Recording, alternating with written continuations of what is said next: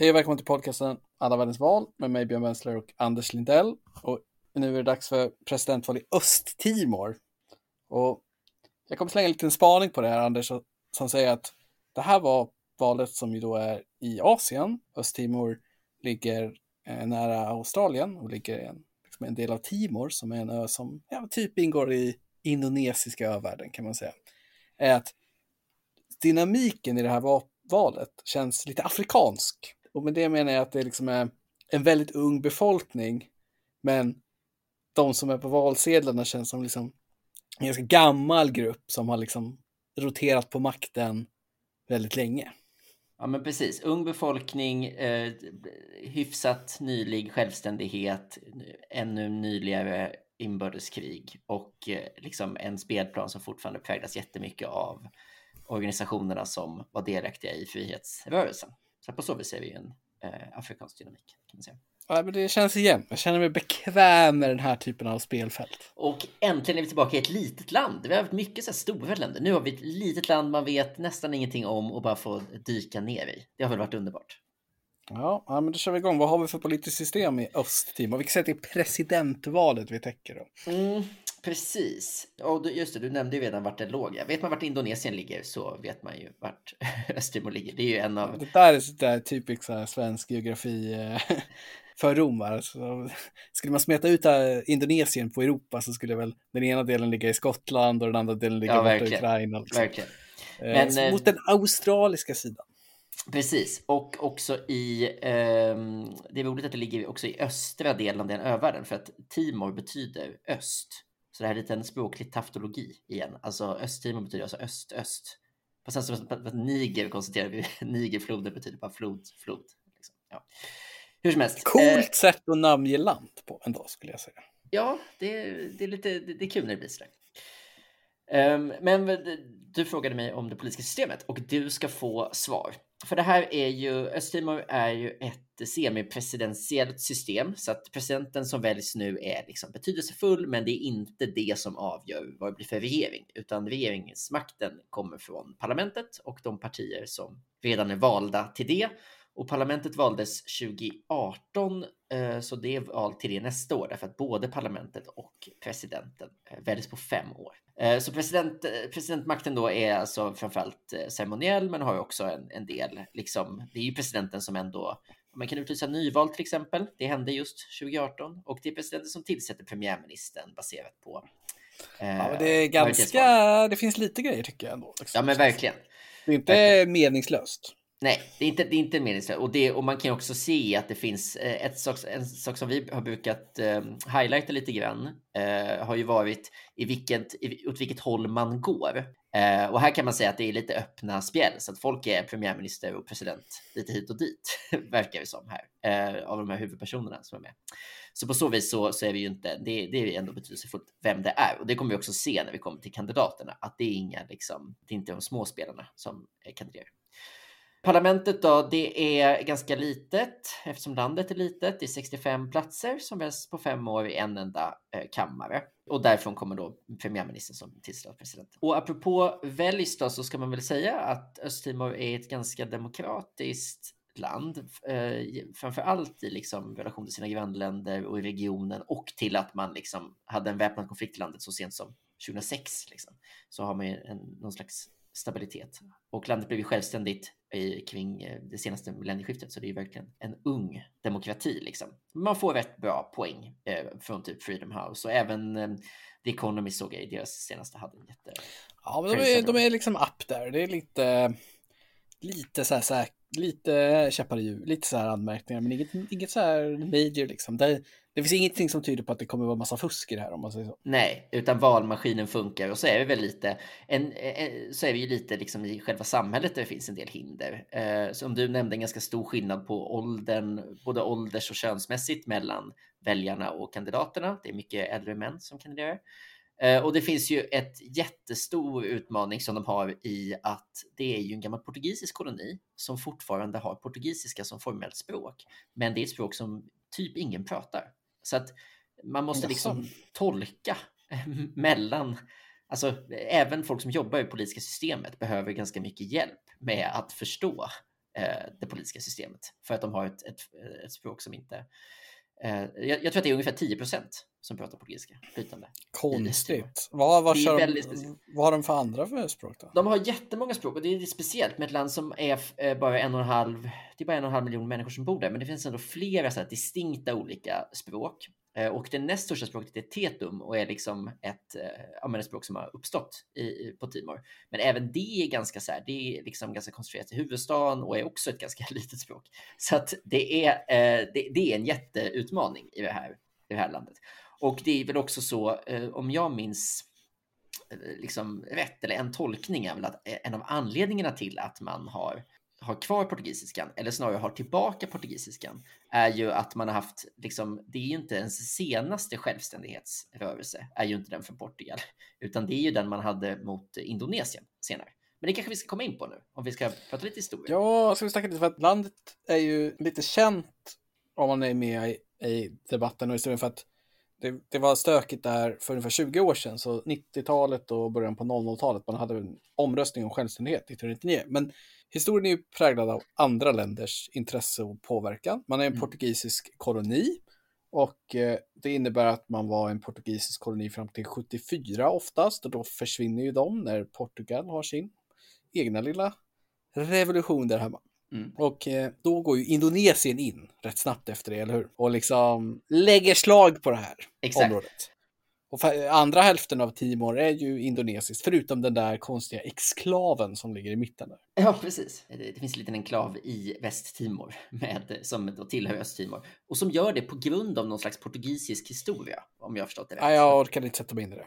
Jag såg den på kartan och tänkte, jaha. Ja, precis. Men exakt, Indonesien går in i liksom och tar över även den östra halvan i det här lilla kaoset som kommer precis efter självständigheten. Det var väl också lite så konflikt även inom. Ja, det var inbördeskrig först och så och stök. Ja. Och eh, han som rattade Indonesien, du vet ju, han var någon slags dator Suharto. Mm. Som är ju känd i historien, kanske inte så smickrande. Men i alla fall så pågår det ju en aktiv kamp mot den här eh, indonesiska ockupationen kan man säga av en gerillarörelser av olika sätt och det är den grupperingen som sen liksom har makten i landet idag. Vi kommer komma in på dem när vi drar persongalleriet, så vi behöver liksom inte dra för mycket om det nu känner jag. Nej. Men det är i alla fall stökigt. Indonesien tvingas backa av lite internationell påtryckning och det ordnas en folkomröstning 99 där eh, landet röstar för självständighet. Och det är ju efter det allt bryter loss som är liksom kaos. För mm. efter det här valet, som där 78 procent röstar för självständighet, de andra, så liksom de som inte vill det och de med, liksom, med lite hjälp av den indonesiska militären som ockuperar, så bränner man ner landet, ja. kan man nästan säga. Otrolig anarki och våld som ut, utbryter och då tvingas en FN-aktion, liksom en militär fredsstyrka som är ledd av Australien, hoppa in och återställa ordningen. Och det var ju väldigt dramatiskt. Ja, verkligen. Och det är med den här australiensiska och FN-styrkan som gör att man sen liksom kan hålla val igen 2001 och så vidare. Och då är det då man rullar igång på sin demokrati. Och landet erkänns liksom internationellt som ett eget land där någonstans runt början av 2000-talet. Mm. Ja, men precis som du säger, det var ju väldigt kaotiskt och det handlade väl om att Indonesien, det var just när Suharto liksom störtades som de liksom kunde då öppnade vi upp lite, men sen så var det väl vad jag förstod fanns det också en, en schism inom Indonesien, alltså att eh, där regeringen ville släppa eh, Östtimor, men där militären inte ville det. Så att den indonesiska militären stöttade då liksom ja, grupper som då startade. Han presidenten som kom efter hade liksom inte fullt makt över militären Nej. riktigt heller och sådär. Liksom. Så att det, och det gjorde ju ännu mer att det blev liksom, man kan ju förstå att det blev ännu blodigare då. Så att det var ju en väldigt, väldigt liksom eh, blodig och hemsk konflikt liksom av de här ganska lösa förbanden av eh, indonesisk stötta paramilitära grupper. Om man ska förstå vad som hände då så finns det ju två personer som är liksom intressanta att nämna från den här frihetsrörelsen, tycker jag. Um, och den ena är ju en uh, fredspristagare det jag säga bara, bara två, men okej. Okay. Och, ja, men jag vill, jag vill och, då, och, och, då tänker jag mig att en av de två du kommer säga är inte den nu sittande presidenten som Nej, ställer upp igen. Precis, nej, han kommer vi, men han kommer vi till senare. Um, men eh, fredspristagaren är ju eh, José Manuel eh, Ramos Horta som ju var, han har en ganska speciell situation därför att han eh, var liksom ung i den första regeringen man tillsatte på 70-talet. Då var han någon slags minister, jag tror han var 25 år minister. Och han Påläggskalven. Liksom. Ja, han var liksom påläggskalven.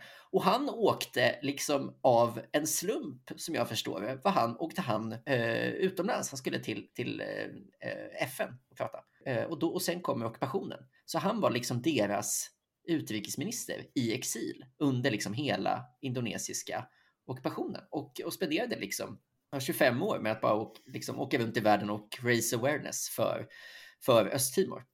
Eh, så att han var ju verkligen liksom ja, men en, viktig, en viktig spelare av, av liksom lite, den här, lite den här slumpen och är ju en, eh, ja, men än idag som vi verkligen kommer komma in på, en, en viktig person, den här Ramos Horta. Och han fick alltså då Nobels fredspris tillsammans med eh, Felipe Jiménez Belo som är en katolsk präst.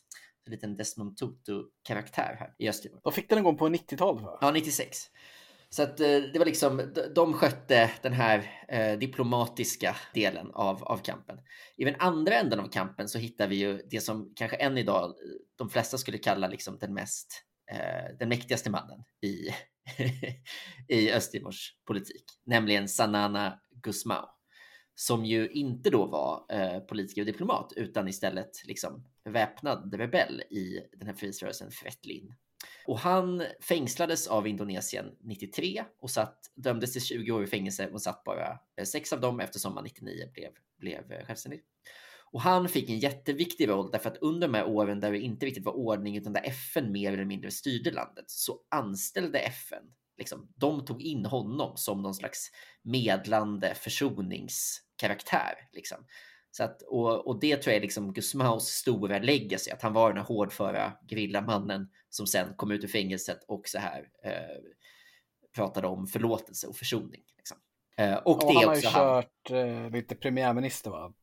Och ja, och, och, han blev president i första, i första presidentvalet där 2001 som du nämnde. Så blev han, så blev han ja, just, ja, just det. Jag tänkte att han, kör, just det, han körde det och sen så körde han premiärminister. Ja, han har varit, han har, han har varit allt. allt. Exakt jag, jag, tror att så här, har man en spaning om Östtimors politik så är den spaningen förmodligen, eh, ja men egentligen säger vi Gusmao som håller i, håller i trådarna. Ja, för det blir ju lätt att glida över på partierna då, eftersom mm. det här är ett presidentval, vilket säger att i presidentvalen så ställer man upp som independent i vanliga fall, alltså utan parti, men man har backning av ett parti och sådär. Mm. Men vi kan inte dra partirymden här, för eh, som vi sa där, så Gusmao, han, han var ju med i partiet som heter Fretilin. Mm som är liksom eh, den liksom revolutionära rörelsens parti, som är någon slags vänsterparti. Eh, han har ju gått ur det och skapat mm. eget parti som heter CNRT. Och de är typ lika stora, eller hur? Ja, precis. Gusmao och eh, även och Ramos Horta som vi nämnde ju, har ju också har gjort samma, samma rörelse. Båda har liksom varit, varit med i Fretlin, men, liksom, men det har spruckit på, på olika sätt. Och de som är kvar i Fretlin, som jag tolkar så är liksom skillnaden nu eh, lite att så här, de som är kvar företrädesvis de som verkligen var i den militära delen av motståndsrörelsen. Så det är gamla generalerna som är kvar i den här eh, ja, men verkligen eh, socialistdoftande frihetsrörelsepartiet. Liksom. Men, de har, men de har ju fortfarande såklart ett jättes, liksom, starkt, eh, en jättestark plats i människors politiska medvetande på Östtimor. Så att de har, eh, fick över 30 procent senaste valet. Och det som, det som hände var att e, efter förra valet 2017 så lyckades inte den dåvarande Fretlin-regeringen få, ihop, eh, få igenom en budget. Och då blev det ett då blev det ett nyval och i det så var det väl som att de här gamla stötarna Eh, Ramos Horta och eh, Gusmao liksom samlade ihop sig igen och var så okej, okay, men nu kör vi ett eget parti och vi ska ta makten. Och det gjorde man då med stöd av två, två andra lite mindre partier.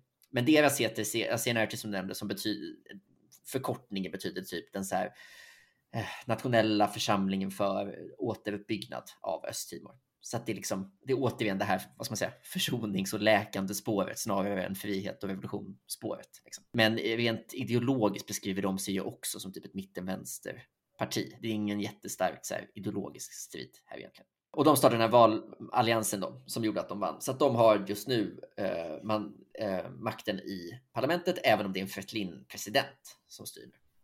Ja, och sen behöver väl inte typ så här, va? det är ändå, de andra partierna behöver kanske inte riktigt kan inte jag få nämna? Jag tycker ett parti som är kul. Det är alltid kul när det finns partier som är eh, som liksom inte har ett liksom svenskt systerparti direkt. Och så finns det här. Det, det, eh, det finns ett parti som heter Kunto, alltså K-H-U-N-T-O.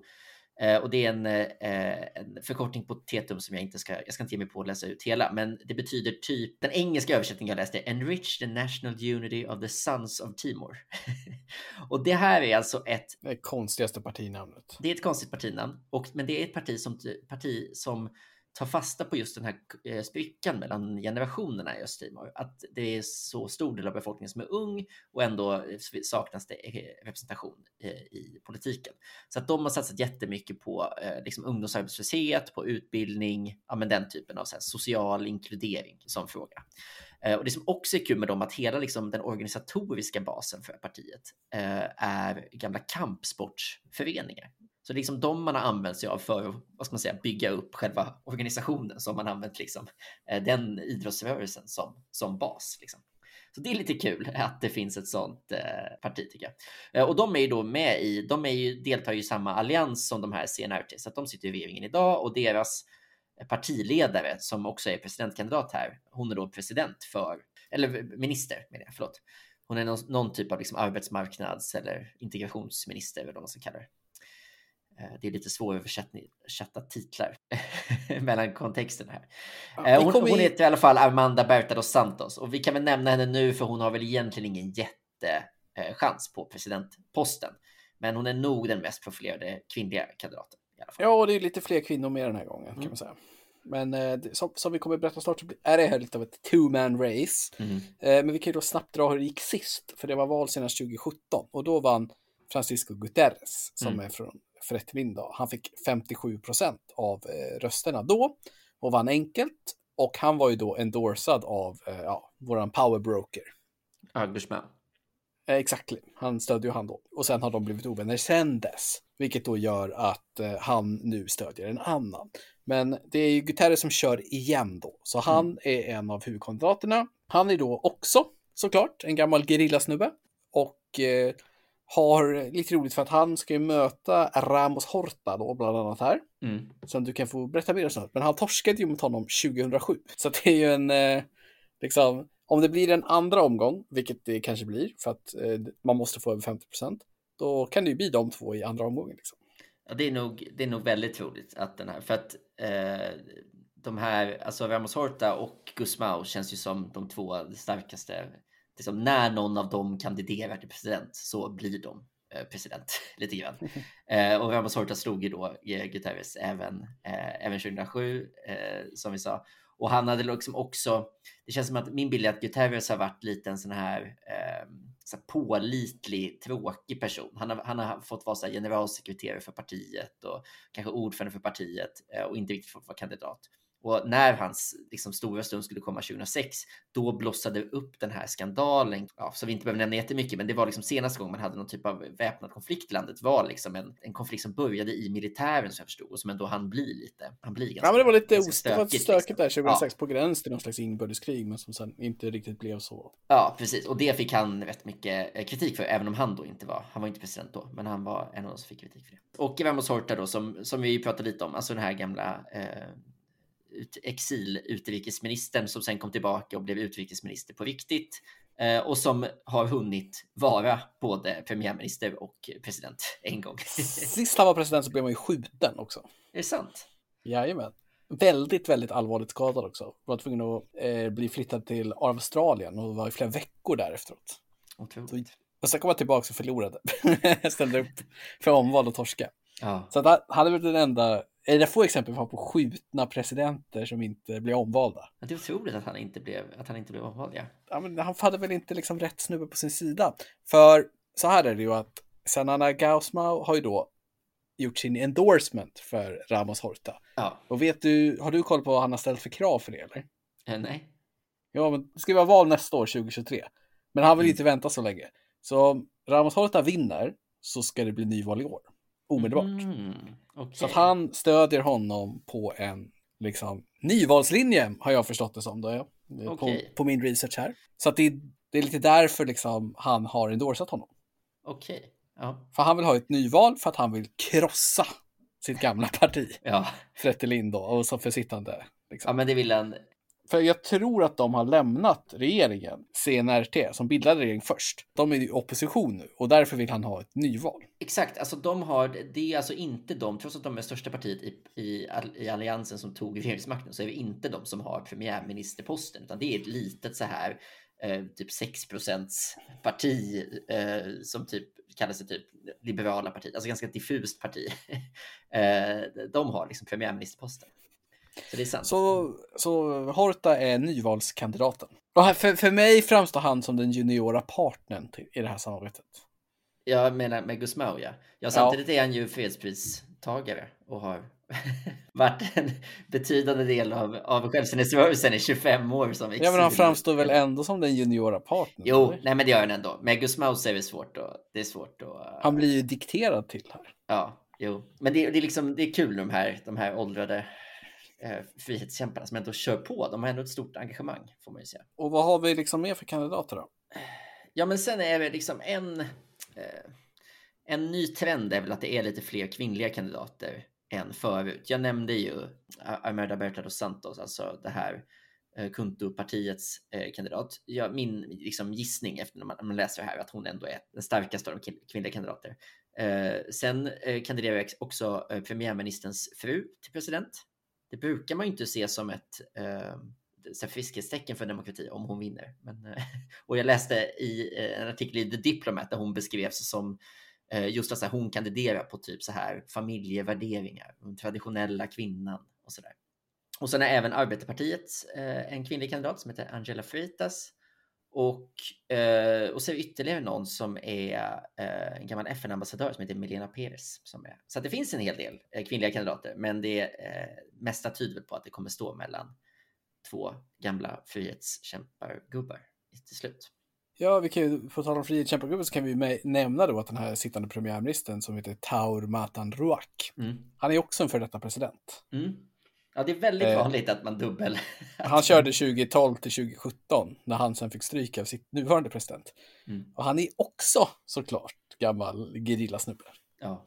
Eh, så att det, de är överallt liksom. Ja, nej men så är det verkligen. De har, de har kvar det sitt. Och det som är spännande är just den här, den här konflikten mellan det, det, liksom, man kan säga att partiet, det är liksom å ena sidan partiet i frihetsrörelsen och å andra sidan huvudpersonerna i frihetsrörelsen. Det har blivit de två falangerna. Eh, och vad jag förstår så har det gjorts också något slags försök att liksom ändå ge, ge någon slags stor koalition här som är att eh, den, en, ytterligare en premiärminister som, som det har varit ganska, som har varit en väldigt betydelsefull person för att bolla upp ytterligare ett namn här i Östtimors politik som heter Al-Khatiri. Han var premiärminister och har varit kanske den som har varit den största så här, poolen till Gusmao. Han har nu fått den här lilla eh, enklaven och Kus i, i Västtimor som, och, och få vara liksom guvernör där, eller man ska säga.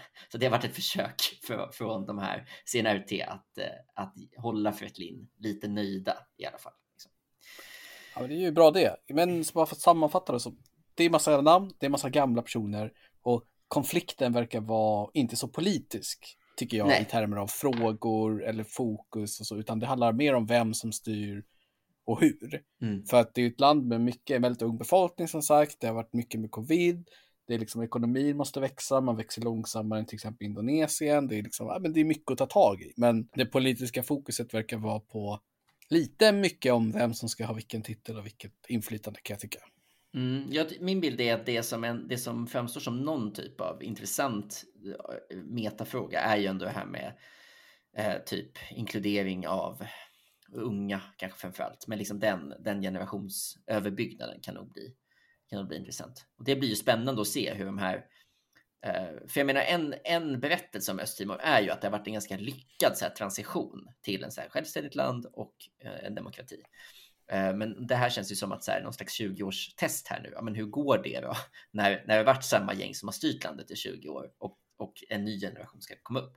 Det är ju det är en intressant utmaning på sikt. Liksom. Och det verkar ändå som att den syns lite i det politiska systemet. Liksom. Ja, vi har i alla fall inga opinionsundersökningar att tillgå här och det är inte så, liksom, finns inte så mycket annat om några heta frågor eller så, utan det är liksom min take är att det är ganska, som sagt, personbaserat det här. Jo, men det är väl, ehm, det är väl bilden. Jag kan säga, jag, hade ju, jag åt ju middag häromdagen med en kompis som har jobbat för FN i, i Östtimor. Och det var en av de sakerna som hon uttryckte som, eh, ja, men som en tydlig grej med politiska systemet. Att det verkligen är person, eh, person snarare än parti som, som spelar roll. Och, och i övrigt kanske just det här med att ja, men att det finns en påtaglig, ändå så här oväntat stor harmoni i det politiska systemet. Man, kan, man skulle kunna tänka sig att konflikterna man haft och så skulle vara större sår än vad de är. Liksom. Ja, nej, det blir intressant att veta. Eh, vi kommer komma tillbaka med nästa avsnitt som är Serbien eller Ungern. Vi har inte riktigt Ja. bestämt oss. Ska vi inte ta, du har ju sett fram så mycket om Ungern, ska vi inte köra Serbien först? Och så, eh, så kör vi sen. Ni får se helt enkelt. På Ja. återseende.